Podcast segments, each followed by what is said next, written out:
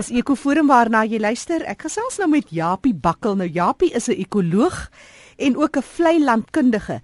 Japie, vandag gaan dit nou nie oor vlei lande nie, maar dit gaan oor lande en eintlik die verwoesting, die verdroging wat intree, want Junie maand is nou wêreldomgewingsmaand. Die pas afgelope week het ons gesien, het ons wêreldoseane dag gehad en op die 14de was dit nou, hulle noem dit in Engels World Day to Combat Desertification. Vertel ons eers oor hierdie term en wat beteken dit? Ek dink as ons moet desertification moet vertaal, dan kan mens kan sê verwoestyning van die van die wêreld.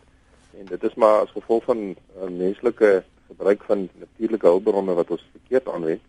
Dit sal ehm, 'n 'n eh, hele eh, lang ruk gelede is dit al voorspel deur mense soos Eycox in die 50er jare het hy begin uh, kaarte optrek van hoe die die Karoo area byvoorbeeld uitgebrei het oor die laaste paar honderd jaar en so en hy het, hy het voorspellings gemaak hoe gaan die Karoo verder vergroot as ons nie ons sekere praktyke verander in die manier hoe ons na die natuurlike hulpbron omsien nie.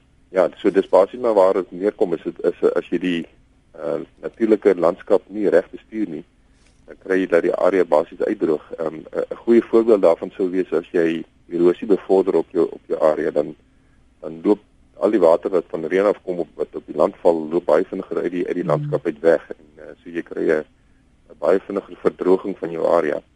En al, en en daarmee gepaard gaan natuurlik die die plante groei wat, wat absoluut afhanklik is van water kan nie kan nie meer oorleef nie want uh, daar is nie water vir hom te oorleef nie. Jou grondwatertafel sak en jou woestynareas brei basies uit daar is absoluut 'n mensgemaakte onnatuurlike uitbreiding van woestyn. En dit is nou juis hierdie week wat die minister van water en omgewingsake die tema van die jaar se fokus vir ons uitgespel het om te sê droogte en waterskaarsheid. Moenie dat ons toekoms opdroog nie, want dit het 'n direkte verbintenis met droër omgewings. Sal 'n mens dit ook kan verbind ten opsigte van klimaatsverandering?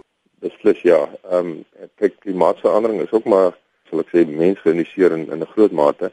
Hoe meer ons koolstof inpomp in die omgewing, hoe, hoe hoe meer begin ons ons aardverwarming kry. So jou verdamping ehm um, uit jou landskap is baie hoër.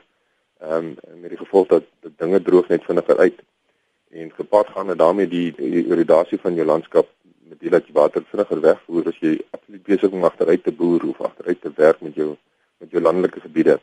Ek dink een van die fokusareas wat hulle byvoorbeeld wil uh, waar hulle uh, kyk is daar bo by Sterkspruit en Herschel. Nou vir die mense wat nie weet nie, dis is noord um, oos van van Aliwal Noord. En dis 'n groot gedeelte wat ehm um, gemeenskaplike grond is, is die nog deel van die ou Transkei gewees en en die bestuurspraktyke wat in daai area plaasgevind het, was maar nie baie goed in die verlede nie. Ehm um, oormatige brand weet hulle brand die grond elke jaar. Uh alhoewel dit baie vrugbare gronde is en is van die basalte van die van die Natal uh wat op die Drakensberge is in daai omgewing so jy kry hierdie hoë klei gronde wat eintlik ideale grond is vir grasvelde. Mm. As gevolg van verkeerde boerdery praktyke het daai area absoluut geïrodeer. Dis dis regtig skrikwekkend as jy daardeur ry. Ehm um, daar's dongas tussen huise wat die manne nie eens by mekaar mee kan uitkom nie. Ehm um, die dongas is letterlik meters diep en ehm um, en dit is 'n relatiewe hoë reënval area, um, 'n somer somer reënval area.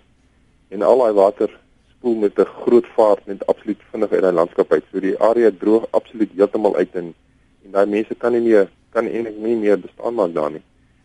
En hulle het nou 'n ek dink 'n program wat hulle wil probeer om die plek 'n bietjie te rehabiliteer om van hierdie ingesnede riviere weer te probeer regmaak en die erosie aan te spreek.